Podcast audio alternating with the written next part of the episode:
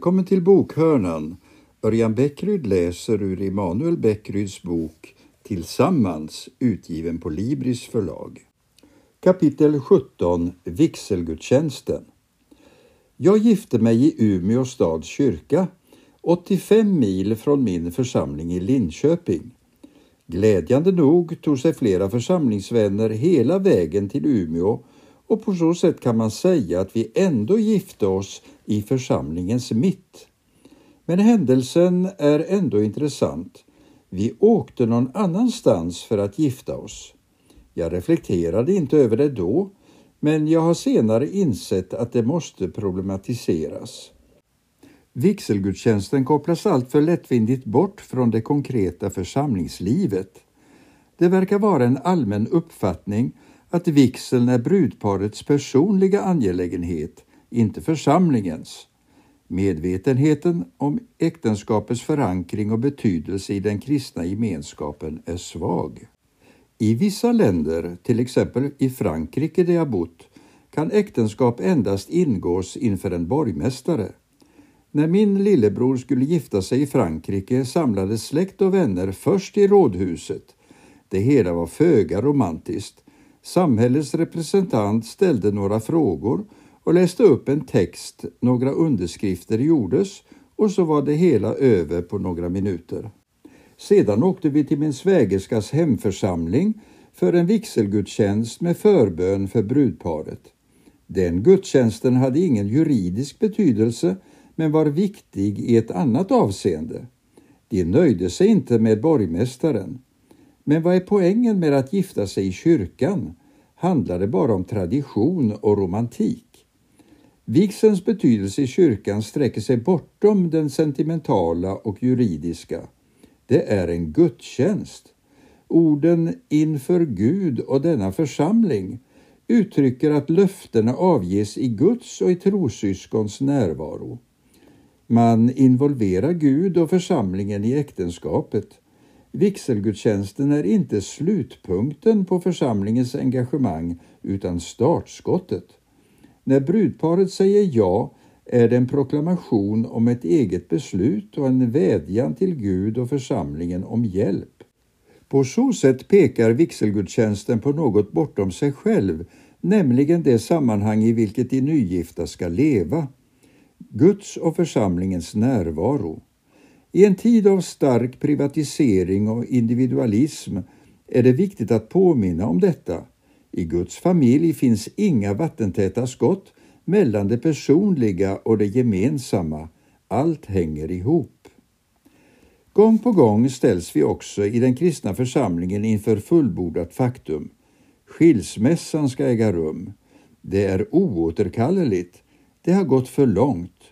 Istället för att oja oss borde vi fråga oss hur det är möjligt att gifta par i församlingen kan kämpa i åratal utan att involvera någon.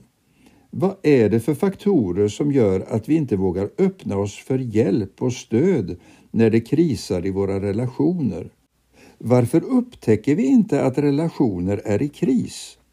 Äktenskapet har blivit en privatsak, en avskild sfär också för kristna.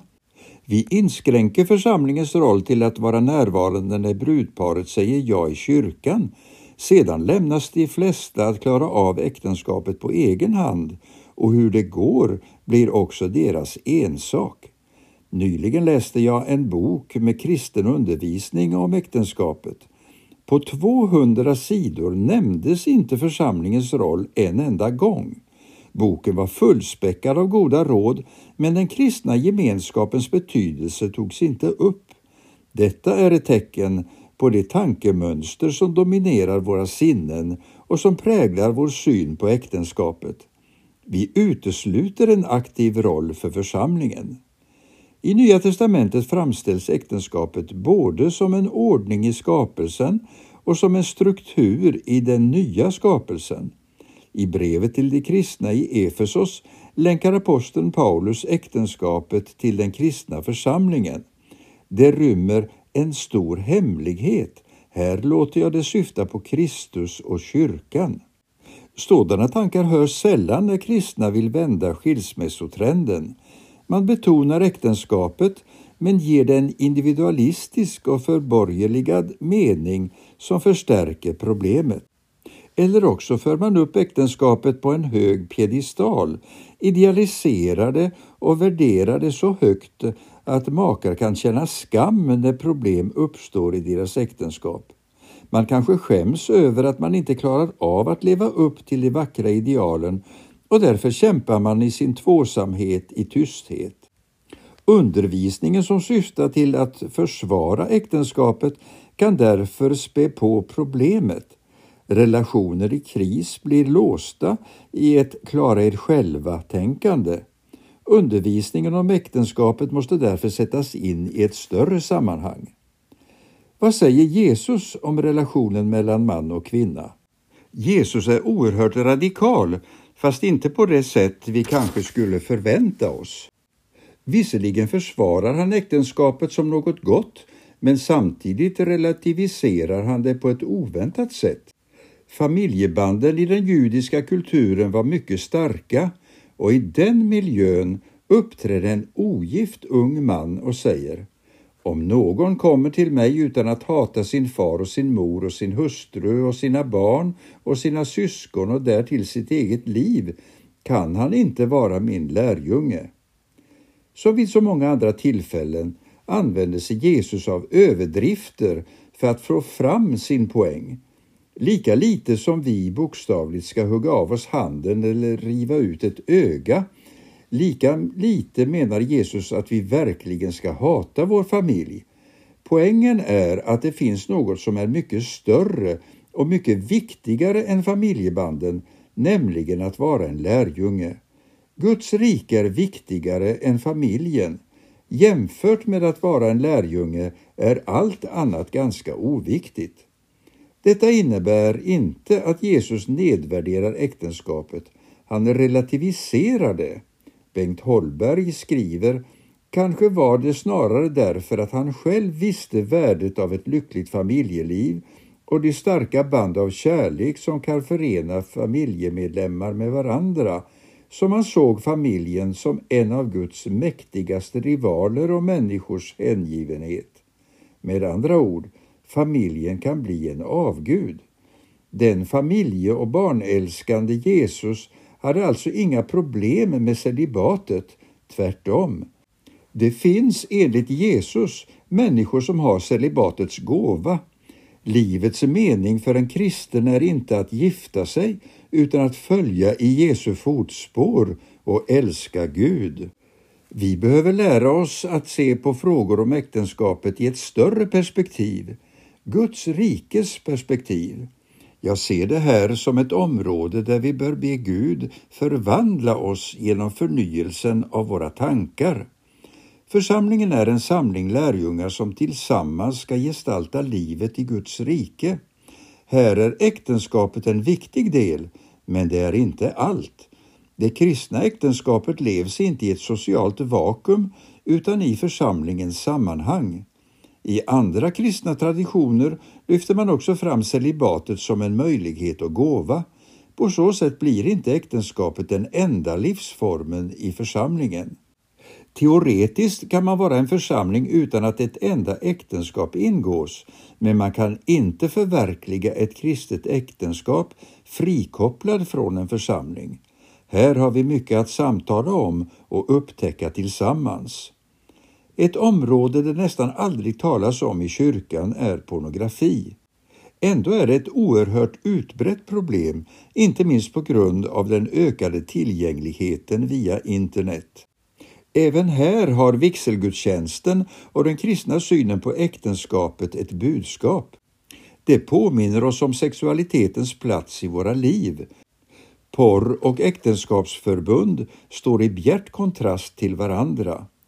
Den sexuella revolutionen skulle göra män och kvinnor mer jämställda. Resultatet har på flera punkter blivit det motsatta. Den sexuella revolutionen har förslavat kvinnan ännu mer. Den har cementerat och fördjupat synen på kvinnan som ett sexuellt objekt, vilket kommer till uttryck bland annat i all den pornografi som florerar på internet. Unga killar i jakt på sexuell identitet lär sig att det är acceptabelt att se på kvinnan som objekt. Unga tjejer matas med ideal som förstör deras självkänsla och kränker deras människovärde. Att använda pornografi är ingen oskyldig handling utan påverkar tankar och känslor på ett djupt plan. Porren blir mer eller mindre normerande för sexualiteten. Resultatet blir en syn på sexualitet full av schabloner och förväntningar om hur det ska vara istället för att låta fantasin blomma ut inom ramen för en stabil relation präglad av trohet hämmas man av förväntningar och orimliga krav. Porrkonsumenten är allt annat än fri. Problemet är inte att njutning eller sexuell längtan i sig är moraliskt klandervärda. Problemet är att det görs till det yttersta värdet. Njutningen är som bäst när den är en del av ett större sammanhang, när den finner sin plats i en harmonisk helhet. Vigselgudstjänsten påminner om denna helhet. Den visar oss att relationen man-hustru ska levas inför Gud och denna församling.